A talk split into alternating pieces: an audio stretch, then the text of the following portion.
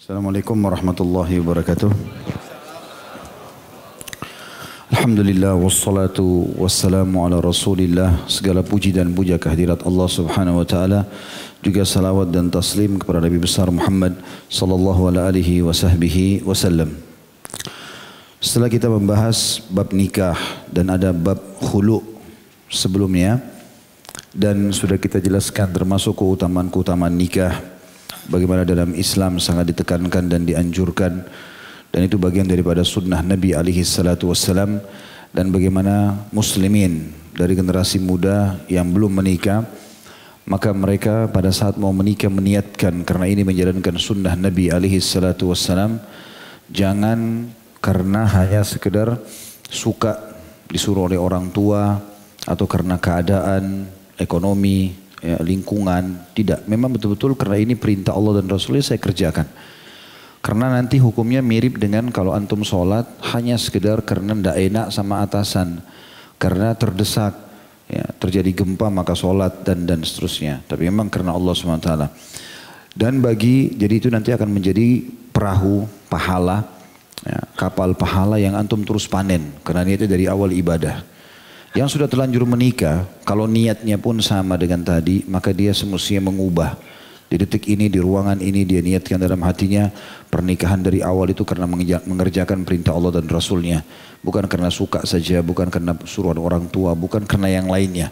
Memang ingin menjalankan karena itu ada dalam hadis Nabi Sallallahu Alaihi Wasallam an nikahu sunnati man ragiba an sunnati falisa minni. Ya, nikah bagian dari sunnahku siapa yang menolaknya maka dia bukan dari golonganku. Juga kita tahu ada hak dan kewajiban dalam masalah rumah tangga. Setiap laki-laki mengetahui dia bertugas. Ditugaskan oleh Allah subhanahu wa ta'ala untuk melindungi istrinya, mendidiknya, memberinya nafkah. Ya, menggilir dengan adil kalaupun dia berpoligami. Semua itu sudah kita bahas panjang lebar. Begitu juga dengan istri, dia patuh, taat dengan suaminya, melayaninya dengan baik, memenuhi kebutuhannya. Semua itu karena Allah subhanahu wa ta'ala, maka Allah akan berikan pahala. Maka itu semua yang berhubungan dengan masalah pernikahan. Dan pernikahan ini teman-teman asasnya dalam rumah tangga karena dia ibadah dalam perilaku kita sehari-hari maka dianjurkan dipertahankan. Dipertahankan. Saya hidup 30 tahun misalnya di rumah tangga orang tua saya. Dengan pola fikir, pola makan, ya, pola hidup, banyak sekali. Cara tidur, ya, bergaul, ngomongannya, cara ngobrol, semua ini ada pola tertentu saya terbiasa dengan kebiasaan itu lingkungan orang tua saya atau saya tinggal. Istri saya juga begitu. Misal dia umur 25 tahun, maka 25 tahun itu dia terbiasa dengan pola makan, pola fikir segala macam. Maka untuk adaptasi itu butuh waktu. Ya. Dan masa ta'aruf yang sebenarnya adalah masa ta'aruf di mana pada saat kita selesai akad nikah dan mulai berjalan.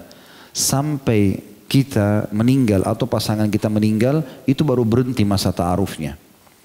Karena kita ta'aruf tuh setiap hari.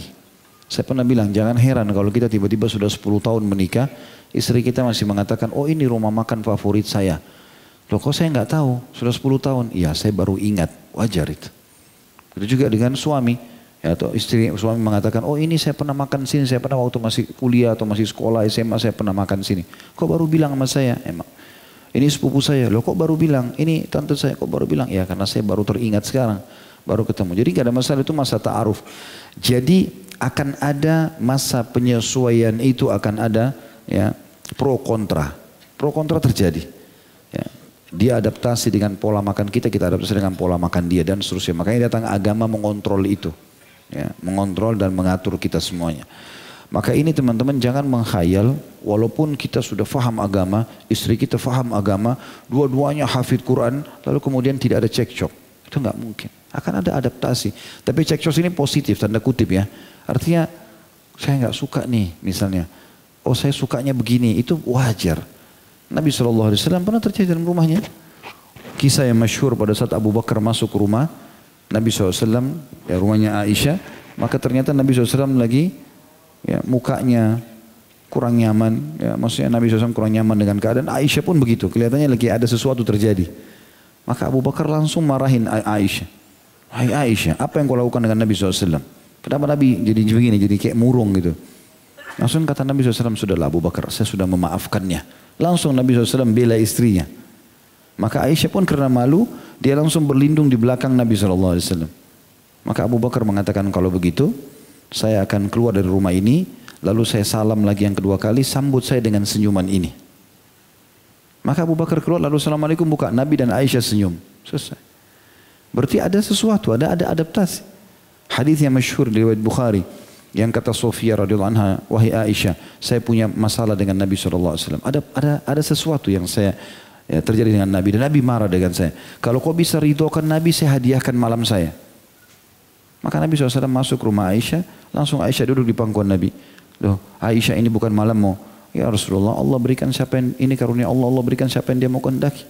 Artinya kalau Nabi SAW sudah paham, berarti Sofia sudah bicara nih. Berarti ada masalah dengan Sofia. Pernah sekali Nabi SAW datang ke rumah salah satu istrinya juga, istrinya nggak mau bukain pintu. Rupanya Nabi telat datang. Maka Nabi SAW bersumpah atas nama Allah, atas, atas nama Allah bukalah pintu ini. Baru dibuka oleh istrinya. Lalu Nabi SAW jelaskan. Berarti kan ada adaptasi memang. ya. Adaptasi apalagi kita berbeda pola makan, pola fikir. Tapi Islam datang mengajarkan kita yang benar memaafkan dan merangkul yang salah minta maaf. Dan jangan fanatik dengan kesalahannya gitu kan. Tolok ukurnya adalah agama. Makanya teman-teman menikah jangan untuk coba-coba ya. Jangan bilang nanti kalau saya tidak cocok ya sudah cerai. Enggak. Bukan itu. Karena bab kita pada siang ini semoga Allah berkahi bab ketujuh masalah bab tolak ini ini dimulai Ibnu Hajar rahimahullah mulai mengangkat sebuah hadis mulia. Perhatikan hadis pertamanya. Nomor 912 dari Ibnu Umar radhiyallahu anhu beliau berkata Rasulullah SAW bersabda abghadul halali ilallahi talaq perkara halal yang paling apa?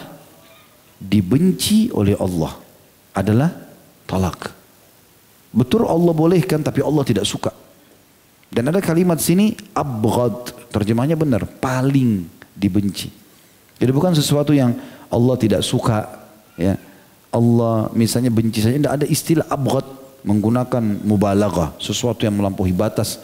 Allah perkara yang halal yang paling Allah benci adalah talak. Artinya jangan cerai. Gak boleh cerai. Ya. Makanya orang menikah adaptasi, memaafkan, merangkul. Kadang-kadang subhanallah dalam rumah tangga terjadi sesuatu, perkara kecil bisa jadi besar. Kalau kita emosional, maka rusak semua rumah tangga. Gak mungkin gitu loh. Awalnya, makanya orang mengatakan bulan madu, awal menikah. Kenapa bukan tahun madu? Hah? Karena satu bulan pertama orang tidak ada kesalahannya. Semuanya orang enak-enak, jalan ketawa-ketawa. Mulai bulan kedua, mulai. Bulan ketiga, kan? Ternyata biasanya di bulan pertama itu belum ada diprotes. Mau tidur lama kah? Mau makannya masih berserakan kah? Masih madu, bulan madu. Tidak apa-apa. Bulan kedua, kok berantakan nih? Kok ini tumpah? Kok ini telat dibuat? Sudah mulai ada protes. Satu tahun, begitu juga.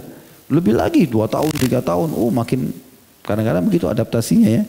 Cuma Islam datang mengajarkan akhlak, tata kerama, santun, menegur dengan cara baik, kan gitu. Itu diajarkan.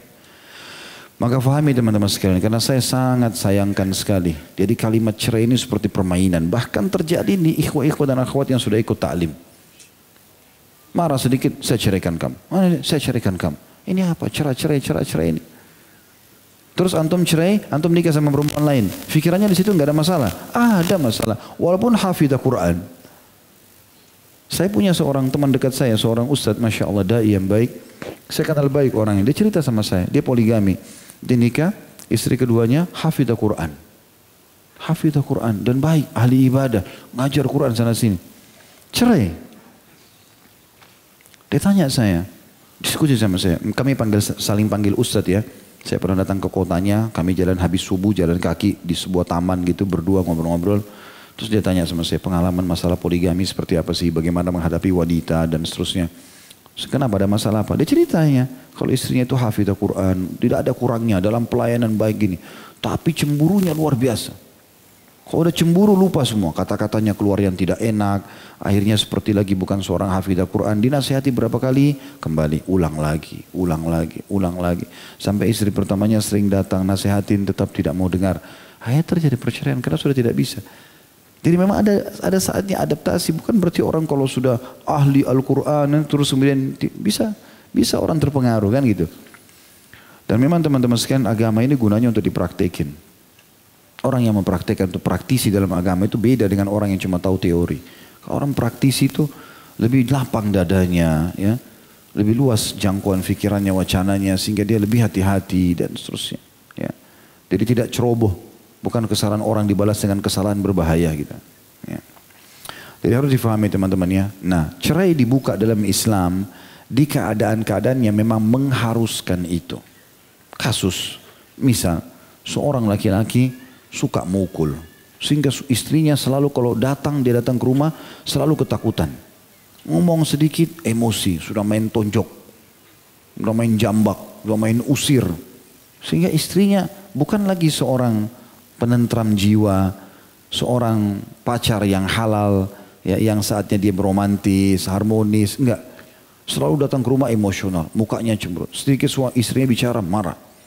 Bagaimana caranya istrinya bisa merasa tentram ini? Dan bagaimana dipertahankan kalau seperti ini? Dinasehatin. Kalau enggak mau ya memang ini muskil, ini masalah gitu kan. Atau seorang istri selalu begitu. Setiap datang suaminya yang ada adalah pertanyaan memojokkan. Dari mana? Kenapa kamu begini? Apa ini? Ya kamu jahat, kamu begini, aku nyesal menikah. Ini kan masalah semua. Kenapa harus kata-kata seperti ini? Maka kalau dinasihatin tidak mau, ini memang muskil ini. Ya. Atau misalnya terjadi kewajiban-kewajiban. Karena lemah lembut adalah kewajiban dalam agama. Ya. Allah SWT mengatakan pada suami, wa ashiruna bil ma'ruf, gaulilah mereka dengan cara yang ma'ruf. Atau dengan cara yang baik. Kata Ibnu Abbas dengan santun, dengan jima yang baik, dengan kata-kata yang baik, dengan sifat maaf yang luas dan lapang dada gitu loh. Nah, tapi kalau terjadi misalnya ada orang memang mengkalikan kewajiban Allah, nusyul seorang wanita, bangkang, tidak mau lakukan kewajiban-kewajibannya, tidak mau tutup aurat, tidak mau sholat, dinasihatin tidak mau, nah itu pintu tolak terbuka. Dinasihatin berulang tidak mau. Baru, itu pun tahapannya kalau nusyud disuruh dulu nasihatin. Tidak mau dengar, dihajar, diranjang, diboikot. Tidak mau dengar, lalu kemudian baru dipukul. Pukulnya pun tidak boleh berbekas. Tidak mau dengar, cerai. Memang begitu tahapannya.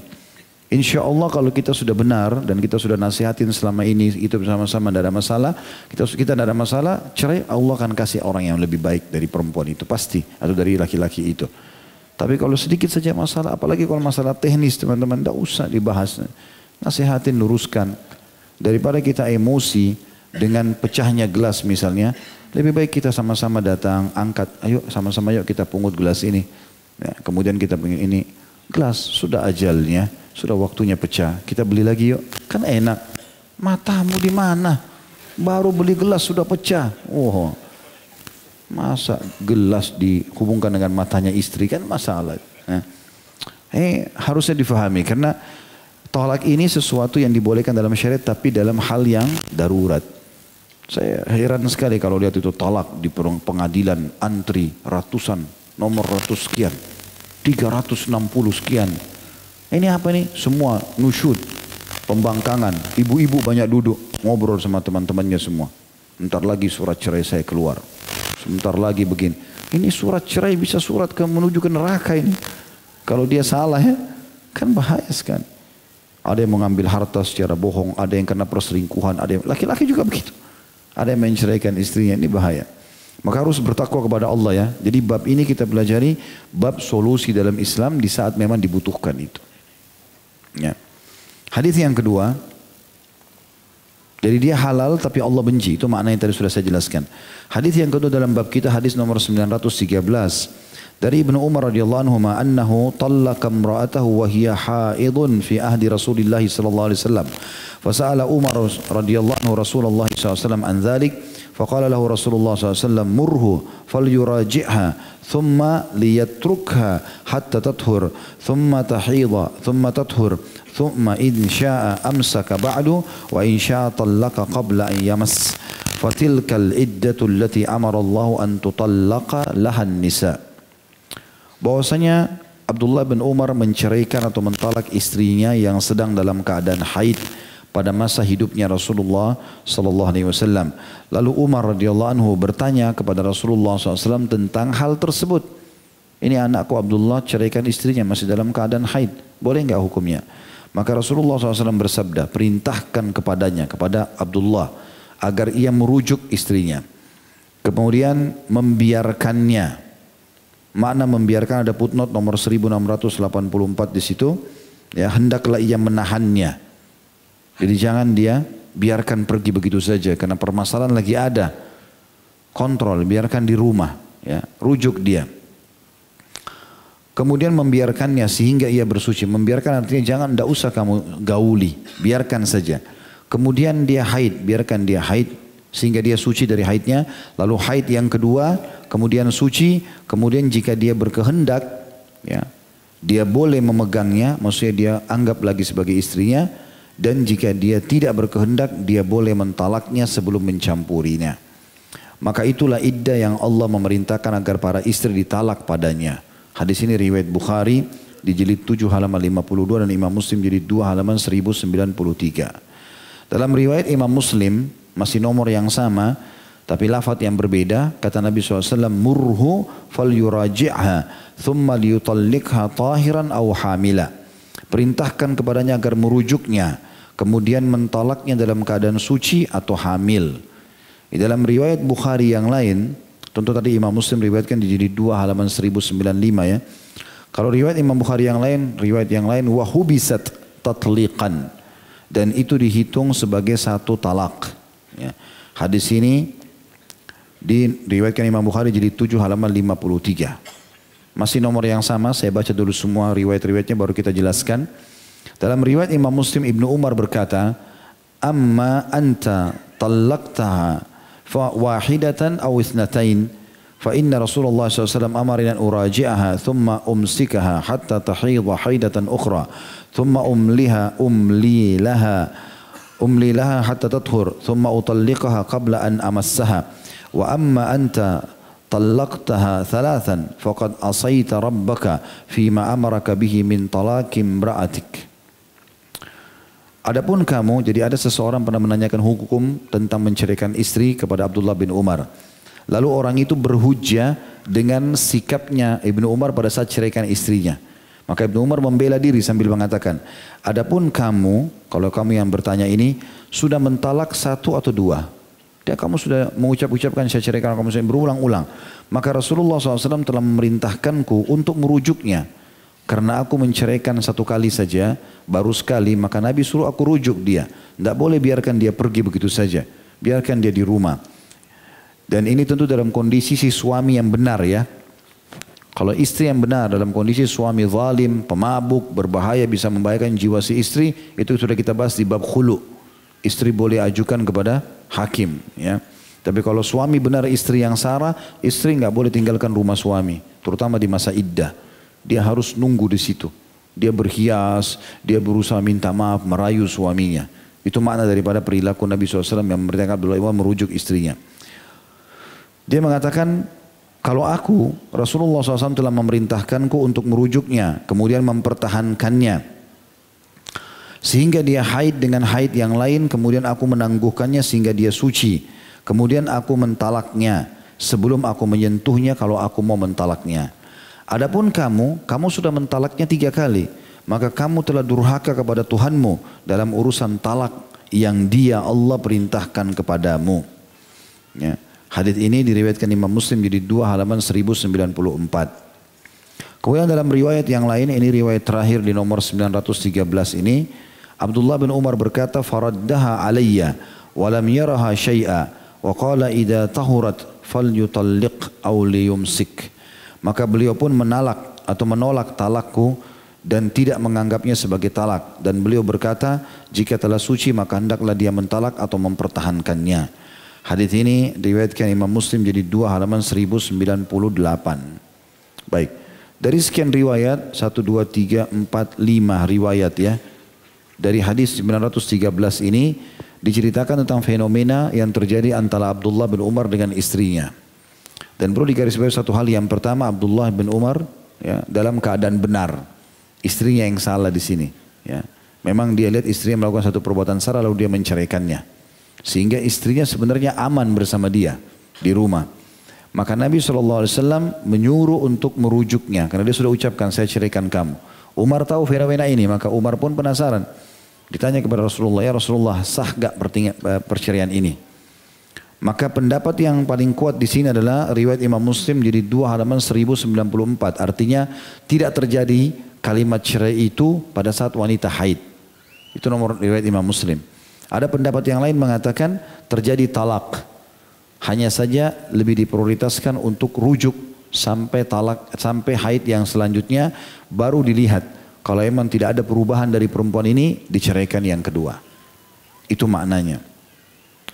Kemudian berbeda sekali kasus ini dengan orang yang sudah menceraikan sampai tiga kali istrinya. Sebagaimana kasus tadi orang yang bertanya kepada Abdullah bin Umar bin Umar. Artinya Allah subhanahu wa ta'ala melarang seorang laki-laki dengan mudah mengucapkan kalimat cerai. Apalagi dia mengatakan saya ceraikan kamu, saya ceraikan kamu. Kata Nabi SAW dalam hadis yang lain, jangan kalian menceraikan istri kalian, ya, apalagi sampai memukulnya, kemudian di malam hari dia menjimaknya. Orang begitu mungkin sifatnya buruk. Dia sakiti hati perasaan istrinya, kemudian dia juga menggaulinya lagi setelah emosinya reda. Ini nggak benar, gitu kan? Bagaimana caranya? Dan kalimat talak nggak boleh main-main. Ya. Saya pernah dengar seorang syekh menasihatin seseorang, di depan saya. Lalu dia mengatakan hati-hati kamu dengan kalimat cerai. Karena kalau kau kau mengucapkan kalimat itu itu antara halal atau haram kemaluan istrimu. Harus hati-hati. Jangan terbawa emosi. Nah, subhanallah dalam menghadapi wanita ini dan itu hikmahnya kenapa laki-laki diucapkan kalimat cerai dari lisannya karena wanita kadang-kadang bisa emosional sesaat tinggi sekali marahnya sesaat bisa redah langsung semuanya seketika.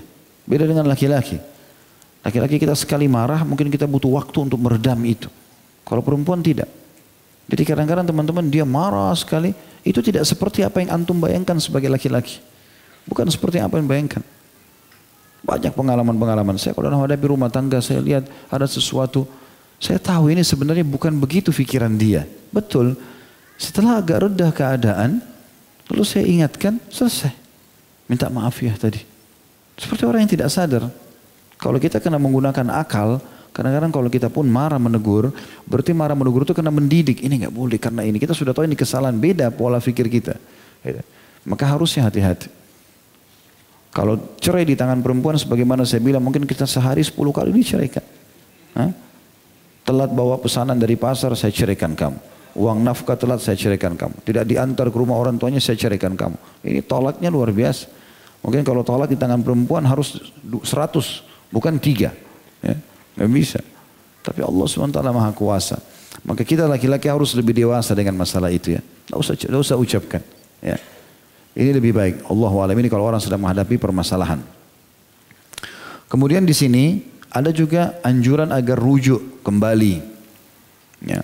Apalagi kalau dalam kondisi memang masalah-masalah teknis karena masalah emosi saja.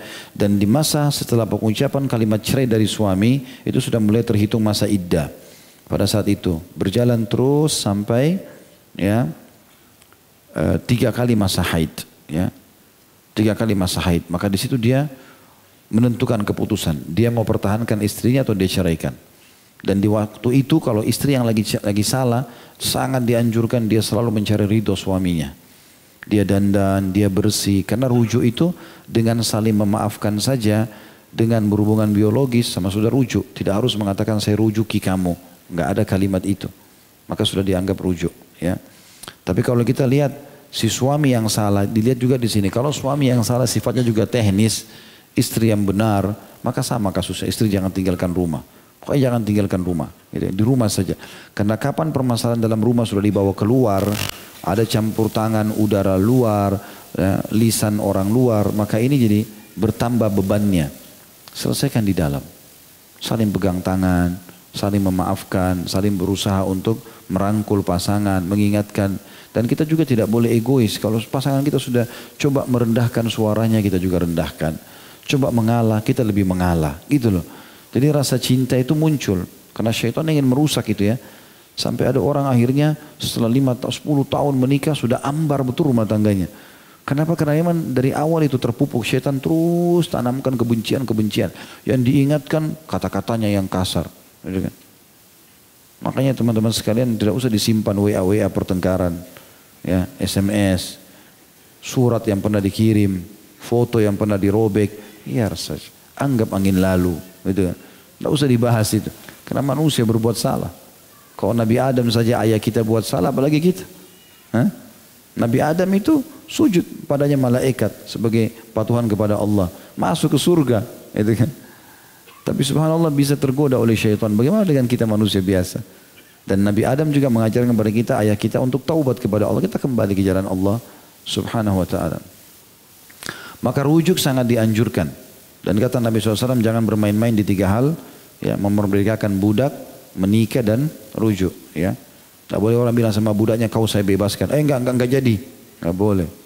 Sudah terjadi. Enggak boleh juga orang mengatakan pada temannya, ini anak kamu perempuan, anak saya laki-laki, nanti kita jodohin ya. Kalau dia bilang iya, terjadi keterkaitan hukum di sini. Sampai nanti anak-anak itu ditanya kalau mereka sudah balik, sudah dewasa, dulu ayah ibu pernah jodohin kamu sampai ini mau enggak? Oh enggak mau ya sudah. Ya, enggak boleh dipaksa karena ada keterkaitan di sini, enggak boleh main-main dengan masalah nikah. Begitu juga dengan rujuk. Ya, sudah ribut nih, terus tidur satu ranjang sama-sama. Akhirnya berhubungan biologis. Terus pagi-pagi, enggak, kita musuhan lagi. Gimana caranya? Ya boleh, ya. Baik hadis selanjutnya hadis nomor 914 ya. Dari Ibnu Abbas radhiyallahu anhu beliau berkata, karena talaku ala ahdi rasulullah sallallahu alaihi wasallam wa Abi Bakrin wa sanataini min khilafati Umar talaku thalathi wahidah. Faqala Umar bin Khattab, faqala Umar bin Khattab, inna an-nasa qad ista'jalu fi amrin kanat lahum fihi anat. Falau amdaynahu alaihim fa amdahu alaihim. Hadis riwayat Muslim di jilid 2 halaman 1099. Dikatakan oleh Ibnu Abbas radhiyallahu anhu dahulu talak pada masa Rasulullah SAW Abu Bakar dan dua tahun dari masa kerajaan atau kekhalifaan Umar talak tiga adalah satu. Lalu Umar bin Khattab berkata, sungguhnya orang-orang telah tergesa-gesa dalam perkara yang semestinya mereka berhati-hati. Seandainya kita memperlakukannya pada mereka, lalu mereka memperlakukan pada mereka. Lalu Umar memperlakukan pada mereka. Hadis ini ya, yang dimaksud ada putnot nomor 1692, yakni berlakunya talak tiga. Apabila suami melontarkan talak tiga sekaligus. Hadis ini memberikan pelajaran kepada kita kalau Nabi SAW dan Abu Bakar juga Umar sebenarnya tidak mensahkan kalau ada orang bilang saya ceraikan kamu tiga. Enggak ada tolak tiga itu, tolak satu saja. Ya. Karena memang kalau dihitung tolak tiga berarti sudah tidak boleh menikah lagi. Kebanyakan orang mengucapkan kalimat tolak kata ulama emosional. Kalau orang tidak emosional itu tidak terucap. Jadi memang ini waswas syaitan kadang-kadang membuat kita mengucapkan. Biasanya orang dengan berjalan waktu, dia sudah mulai tenang pikirannya seminggu, dia baru tahu, oh ternyata saya yang salah. Kan itu masalah. Oh saya yang salah, oh saya yang salah. Makanya tidak boleh tergesa-gesa dalam masalah seperti ini. Tapi ada juga yang Umar lakukan radhiyallahu anhu ya dalam dalam riwayat ini dikatakan sesungguhnya orang-orang telah tergesa-gesa dalam perkara yang semestinya mereka berhati-hati seandainya kita memperlakukannya pada mereka lalu Umar memperlakukan pada mereka. Ya, di sana maknanya adalah Umar menghakimi bagi orang memang yang dasarnya dilihat buruk akhlaknya sedikit-sedikit memang selalu mengancam mau menceraikan, mau menceraikan, maka Umar jatuhkan talak tiga. Gitu kan? Tapi kalau tidak, memang dasarnya cuma terjadi penyesalan, mau kembali, maka ini ya tidak berlaku pada mereka tolak tiga sekaligus. Hadis selanjutnya 915 dari Mahmud bin Labib beliau berkata akhbara Rasulullah SAW an rajulin tallaka imra'atahu thalatha tatliqatin jami'a faqama ghadban thumma qala ayul'abu bi kitabillahi wa ana baina adhurikum hatta qama rajulun faqala ya Rasulullah ala aqtuluh Rasulullah SAW telah diberitahukan tentang seorang laki-laki yang mentalak istrinya dengan talak tiga sekaligus. Saya ceraikan kamu tiga. Gitu kan. Maka beliau pun SAW berdiri dalam keadaan marah. Kemudian beliau bersabda, apakah kitab Allah dipermainkan padahal aku ada di tengah-tengah kalian? Sampai-sampai ada seorang laki-laki yang berdiri dan berkata, Wahai Rasulullah, apakah anda mengizinkan aku membunuhnya? Hadis ini diriwayatkan oleh In-Nasai dan dan seluruh rawi-rawinya bisa dipercaya. Hadis ini diriwayatkan Nasai di jilid 6 halaman 142. Hadis ini sama menguatkan hadis sebelumnya tentang Nabi SAW tidak mensahkan pengucapan kalimat cerai tiga ya itu kepada seseorang itu langsung tiga tapi dihitung satu. Ya. Dan ini sebenarnya rukhsah keringanan dari Allah Subhanahu wa taala. Allah SWT memberikan kita sampai bisa menceraikan tiga kali itu supaya berfikir baik-baik. Ya, masih ada kesempatan rujuk lagi, rujuk lagi dan rujuk sampai dua kali. Kalau sudah yang ketiga sudah nggak bisa lagi. Gitu kan. Jadi jangan sampai kita menggunakan kalimat ini. Sekali lagi kita menikah dengan manusia ada adaptasi dalam pola-pola hidup. Jangan tergesa-gesa. Ya. Saya sudah juga sering bilang kalau yang tidak mau punya masalah nikah sama boneka. Ya atau balon yang ditiup tuh. Ya. Bisa ditonjok, bisa dikempesin, silakan. Tidak tidak ada biaya keluar, antum tidak usah kasih makan, ya.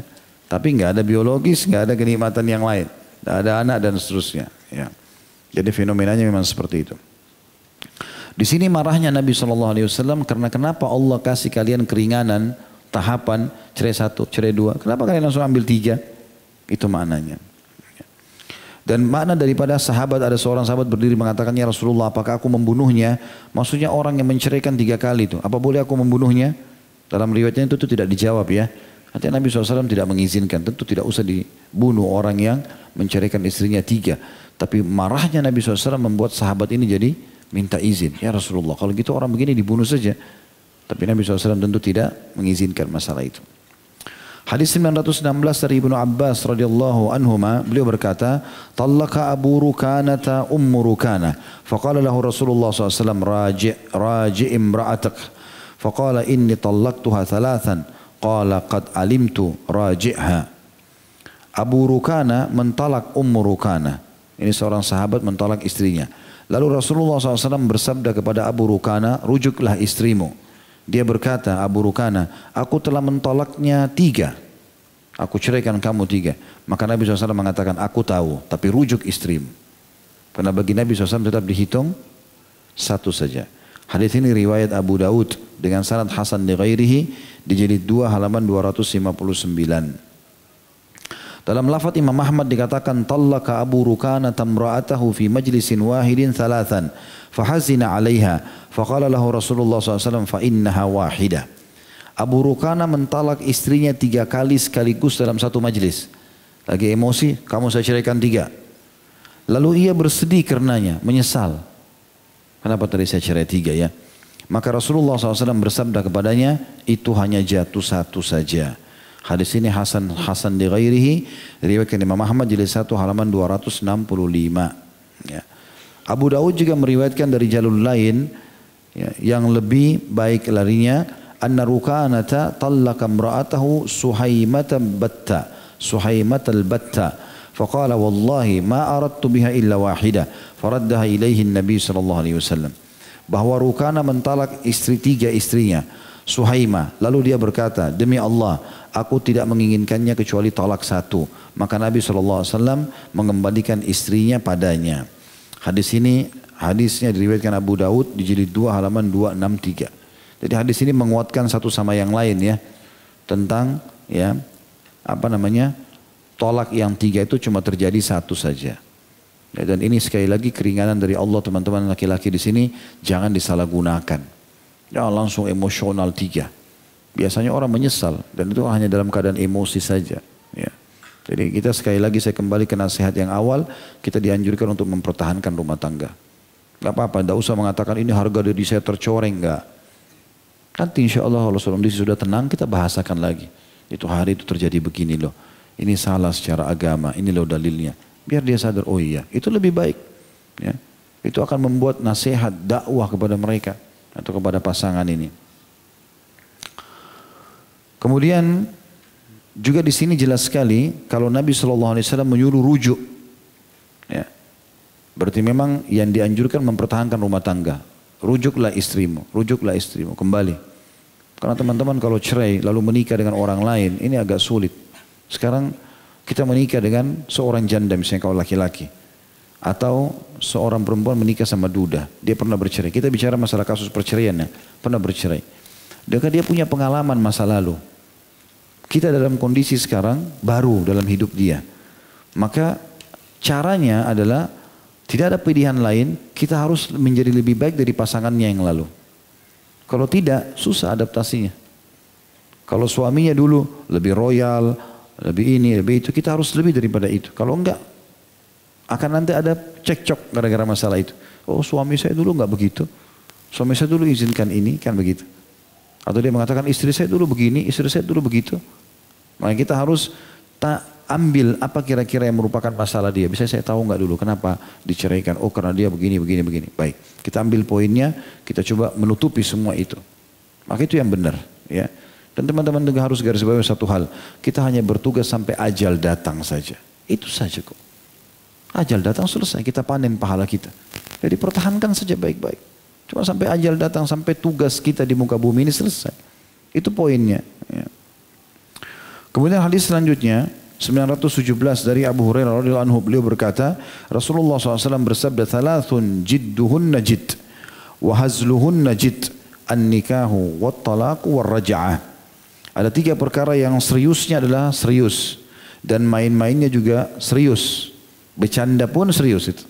Terjadi. Yaitu nikah, tolak, dan rujuk. Ya. Nikah tadi saya sudah kasih contoh itu. Jadi nggak boleh. Kita coba-coba saja ya. Tes pernikahan. Walinya perempuan, saya nikahkan kamu, saya terima nikahnya. Jadi pernikahan. Ya kecuali kalau dalam kondisi namanya palsu apa segala macam mungkin lain. Tapi kadang-kadang itu terjadi. Ya. Sama dengan talak. Saya pernah belajar dengan Dr. Syarif. Hafidahullah, beliau dosen kami dulu. Beliau salah satu hakim di Madinah, di mahkamah Madinah. Ngajar kami tingkat tiga kuliah. E, masalah fikih bab talak ini. Saya masih ingat beliau bilang. Jadi perceraian itu bahaya sekali waktu dia jelaskan hadis ini. Saya masih ingat dia kasih contoh di kelas. Subhanallah wajahnya pun masih kebayang beliau cerita pada saat itu. Saya sekarang ingat beliau mengatakan kalau ada seorang suami istrinya naik tangga, dia bercanda saja. Kalau kau naik lagi satu tangga saya ceraikan, kalau kau turun saya ceraikan. Misal, bercanda saja. Maka si istri kalau tidak mau dicerai dia harus turun dari tengah-tengah. Saking seriusnya terjadi cerai itu. Jangan kena emosi kalau kau keluar satu langkah saya ceraikan kamu. Ngapain? Nah, orang keluar satu langkah kenapa? Biar sepuluh langkah. Kalau perlu antar dia mau ke mana, itu kan? Kalau istri lagi marah terus kemudian kita pegang tangannya baiklah mau ke mana saya antar yuk kan selesai. Beli perasaannya. Pergi jangan kembali ya. Padahal hatinya juga pengen ini ketumpul sama-sama. Kan masalah ya. Juga sama dengan rujuk terus saya kita jelaskan tadi ya. Hadis ini diriwayatkan Imam 4 kecuali An-Nasai dan disahihkan oleh Al-Hakim. Hadis ini Hasan di Ghairi diriwayatkan Abu Daud jilid 2 halaman 259, Tirmidzi jilid 3 halaman 490, Ibnu Majah jilid 1 halaman 658 dan Al-Hakim jilid 2 halaman 198.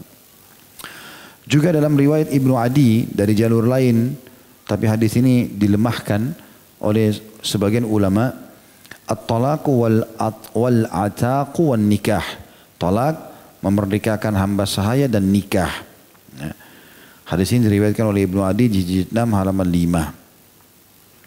Juga dalam riwayat yang lain Al Harith bin Abi Usama dari hadis Ubadah bin Samit radhiyallahu anhu yang beliau nyatakan marfu ya sampai kepada Nabi SAW la yajuzul la'ibu fi thalath at-talaqi wan nikahi wal ataqi faman qalahunna faqad wajabna tidak boleh main-main dalam tiga perkara talak nikah dan memerdekakan hamba sahaya Barang siapa yang mengucapkannya, maka sungguh ia telah wajib atau terjadi.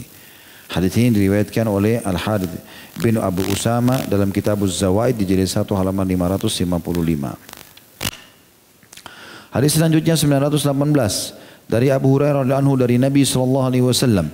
Beliau bersabda, "Inna Allah tajawaza an ummati ma haddathat ma haddathat bihi anfusaha ma lam ta'mal aw takallam." Sesungguhnya Allah memaafkan dari umatku sesuatu yang dia ucapkan di dalam jiwanya selama belum dia lakukan dan dia ucapkan. Hadis riwayat Bukhari Muslim. Hadis riwayat Bukhari di jilid 7 halaman 59 Imam Muslim jilid 1 halaman 116. Dan hadis ini mulia sekali karena Allah Subhanahu wa taala belum ya, menghakimi kita kalau masih dalam jiwa kita. Misal kita mengatakan kayaknya saya ceraikan aja nih perempuan. Misal saya ceraikan saja ini istri saya. Itu tidak terjadi. Selama belum terucapkan. Kalau sudah diucapkan, saya ceraikan kamu, ya kita pisah, Mari kalimat-kalimat yang jelas tertuju ke sana maka terjadi. Makanya dikatakan dalam pepatah bahasa Arab, kalimat itu selama belum keluar dari lisanmu, belum mulutmu, maka milikmu. Kau bisa kontrol dia. Tapi kalau, kalau kau sudah ucapkan, maka bukan lagi milikmu. Sudah tersebar ke mana-mana. Ini malah bahasa. Hadis selanjutnya 919 dari Ibnu Abbas radhiyallahu anhu dari Nabi sallallahu alaihi wasallam beliau bersabda, "Inna Allah wada'a wada'a an an ummatil khata'a wan nisyana wa mastukriha alaih." Sesungguhnya Allah meletakkan dari umatku kesalahan, kelupaan, ya, dan sesungguhnya dan sesuatu yang dipaksa kepada mereka. Hadis ini riwayat Ibnu Majah dan Hakim dan Ibnu Adi mengatakan tidak sahih. Hadis ini ya dinyatakan sahih oleh Syekh Albani dan hadis ini riwayat Ibnu Majah jadi 1 halaman 659, Al-Hakim jadi 2198. Setelah ditelusuri ternyata hadis ini dalam keadaan sahih. Artinya Allah tidak menghukum dari umat ini kesalahan, kekeliruan. Orang tidak sengaja pakai sendalnya orang tidak sengaja, tidak sengaja. Ya, atau lupa atau juga sesuatu yang dipaksa. Kalau saya kau tidak minum khamar ini saya penggal lehermu, saya ditangkap oleh musuh, di medan perang. Dan dia memang dalam kondisi tidak berpikir untuk meninggal dulu. Ya. Dia berusaha untuk mempertahankan hidupnya. Lalu kemudian dipaksa. Kalau enggak begini, dia dipaksa harus. Ya, atau dalam keadaan terpaksa dia di padang pasir. Ya. Maka tidak ada makanan kecuali potongan bangkai. Bangkai haram. Tapi dia harus ambil sebagian makan. Kalau tidak dia mati kelaparan. Maka dia terpaksa dalam kondisi itu. Ini semua ya dimaafkan di dalam agama kita. Sama juga di sini masuk dalam masalah bab tolak ini kalau orang salah ya, ya dia salah mengucapkan. Mungkin mungkin dia baru membaca bab tolak seperti antum di sini. Ya, lagi baca bab tolak, tolak, ini bab tolak, pulang ke rumah, buk istri buka pintu, tolak. Dia salah ucapin. Dia bukan niat untuk menceraikan istrinya. Maka ini contoh saja kesalahan.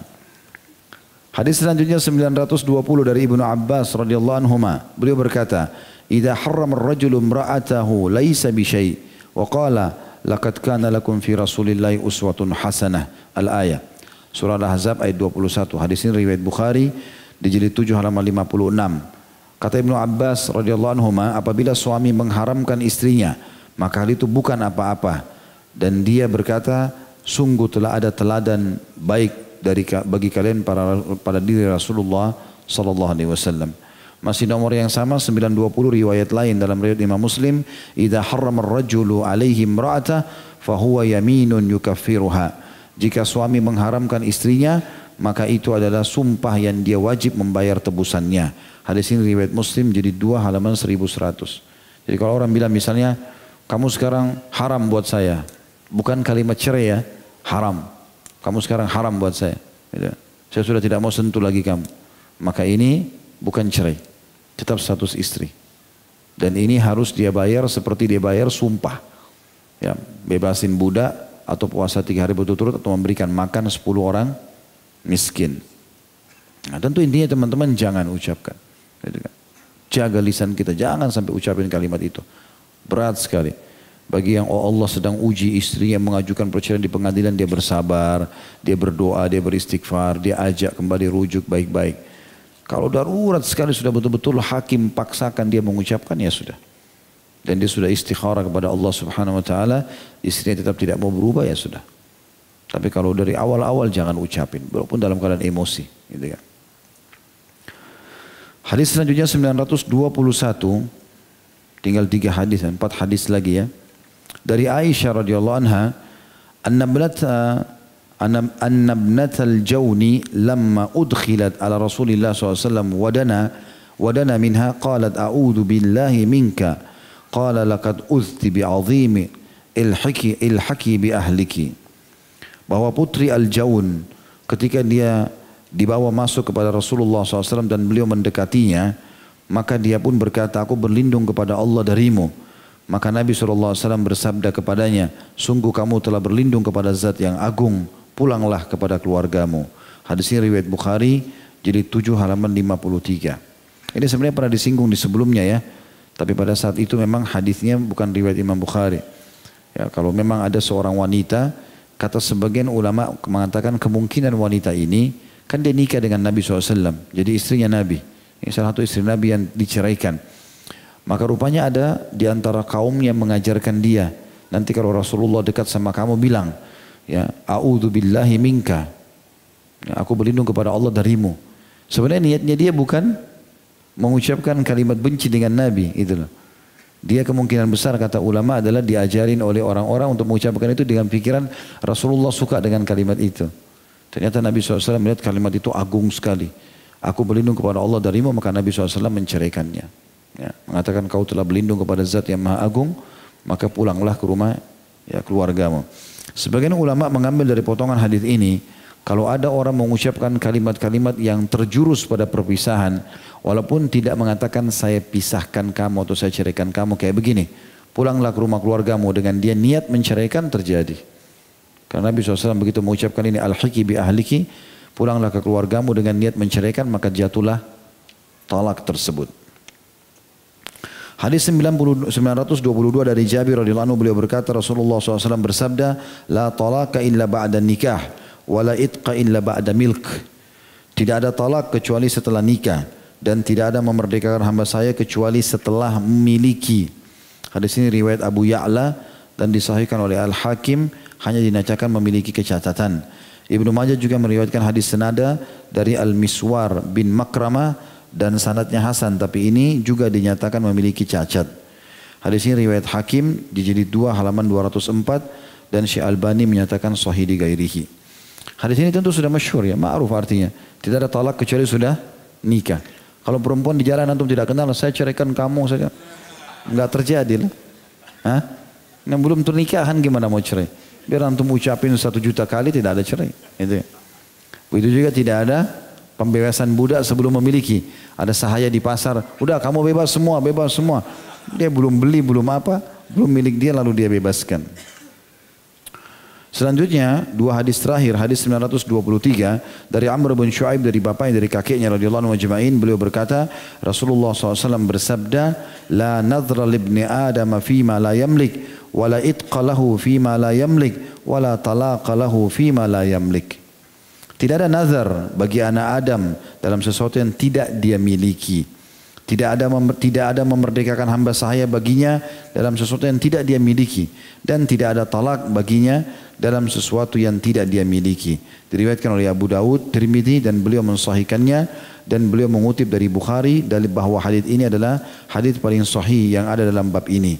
Hadis ini riwayat Abu Dawud jadi 2 halaman 258, Tirmidzi jadi 3 halaman 487. Ya, ini mirip dengan makna tadi.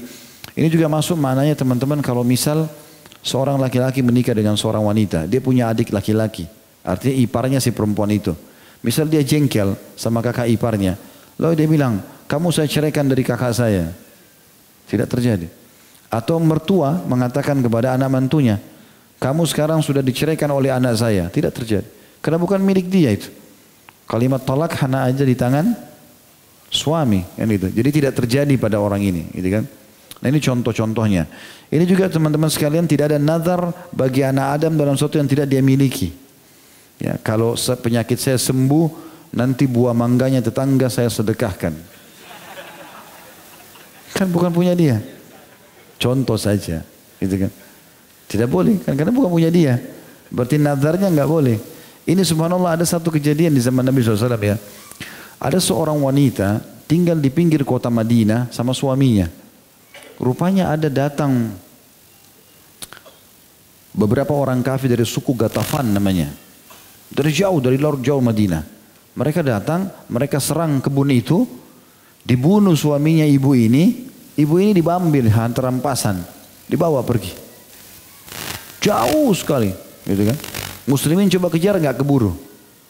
Subhanallah, mungkin dua hari kemudian, ya, perempuan ibu ini kembali dan ternyata di kebun itu ada unta Nabi SAW yang dititipkan, lagi diberi makan.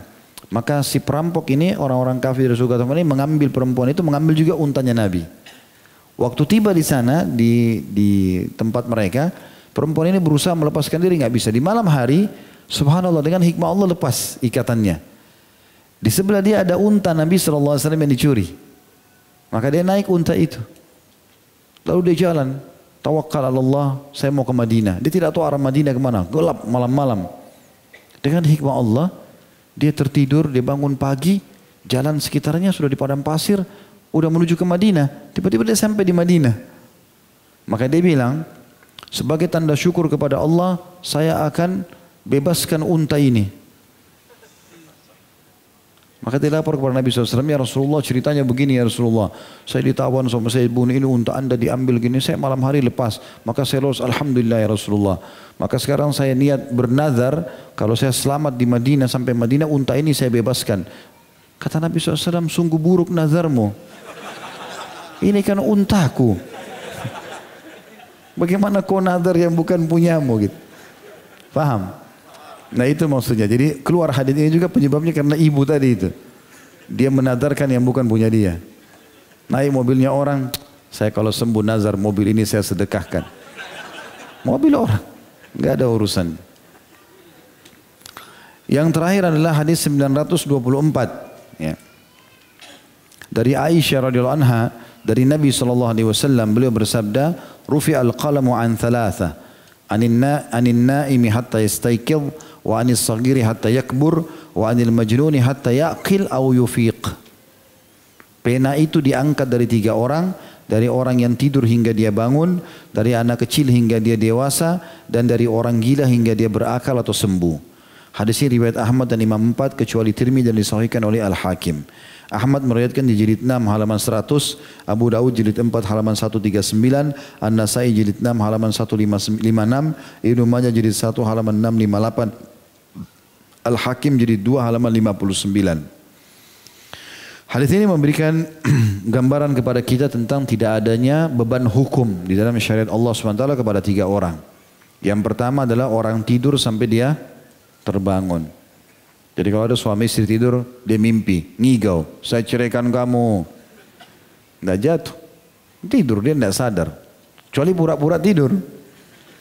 Dia benci sama istrinya, pura-pura tutup mata, saya ceraikan kamu. Dia bangun, sadar, jatuh talak. Tapi di sini kalau tidur nggak sadar, karena ini dimasukkan dalam bab talak. Kita kasihkan contoh bab talak ya. Semua dalam kondisi tidur tidak dihukumi. Ada orang tidur suami istri, dia mimpi berantem, tonjok istrinya mati. Contoh, misal. Ini contoh, jangan dipelintir-pelintir ya. Hmm. Contoh, ada subhanallah orang mimpi berantem perang, atau dia berantem sama orang di sebelahnya kebetulan ada buah sama ada pisau. Dia ambil pisau dia tusuk pasangannya. Terjadi. Ada orang kena sihir loh. Ya, lagi tidur dia ngigau, jalan, keluar rumah. Ada kan? Ya, bisa terjadi. Jadi makanya itu semua tidak dihakimi karena dia tidur. Asal betul-betul tidur ya. Bukan pura-pura tidur. Sama juga anak kecil sampai dia besar. Ya. Ini juga sama hukumnya. Tidak dicatat baginya hukuman dan orang gila sampai dia berakal atau sadar. Ya, sebagian ulama juga ada yang ini kalau gila sudah jelas mutlak, ya, tidak sadar apa yang dia lakukan. Ada juga sebagian ulama mengatakan masuk dalamnya kalau orang itu stres berat ya, sampai dia akhirnya sering kali ya apa namanya, sering kali dia kadang-kadang tidak sadar dalam beberapa keadaan nanti dia sadar lagi. Nanti lihat keadaannya. Kalau lagi dalam kambuh penyakitnya, secara kejiwaan stres berat, sehingga dia bisa mengucapkan kalimat tanpa dia sadari, maka itu juga masuk dalam masalah ini. Ya, dalam kondisi dia sadar berarti dihukumi hukum sadar. Dalam kondisi tidak sadar maka dihukumi tidak sadar. Allahu a'lam. Baik begitu saja. Subhanakallahumma bihamdika. Asyhadu an la ilaha illa anta astaghfiruka wa atubu ilaik. Wassalamualaikum warahmatullahi wabarakatuh.